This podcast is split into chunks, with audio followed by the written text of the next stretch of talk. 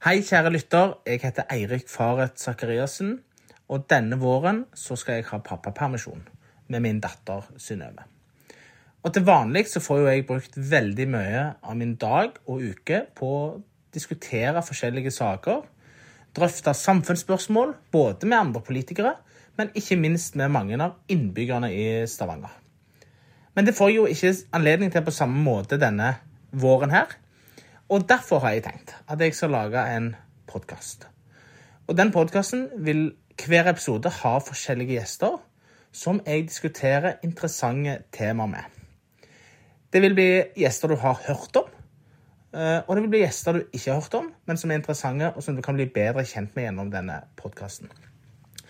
Og vi skal diskutere temaer som bekymringer, fattigdom og forskjeller, kultur, mangfold og hva naturen betyr for oss, for å nevne noe.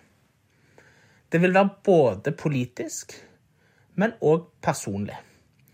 Og det vil òg handle om hvordan det er å bli forelder for første gang, og hvordan det er å være forelder, og hva det betyr, og hva det gjør med oss som eh, mennesker.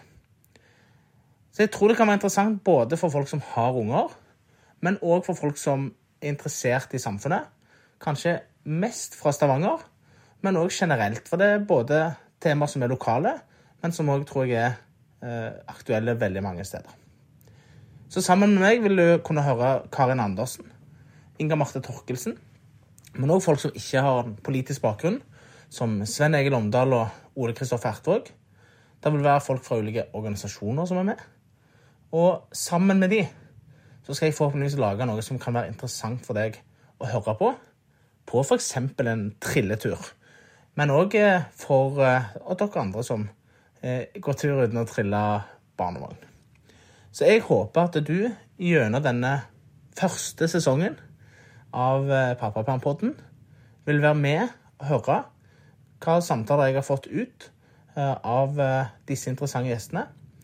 Og så vil bare framtida vise om det blir flere sesonger enn den ene. Men det, kjære lytter, det får vi komme tilbake til. Men nå, denne våren, så vil du kunne høre disse samtalene, og jeg håper du syns det kan være interessant. Så forhåpentligvis så vil du abonnere på denne podkasten og bli med på denne reisen. Takk.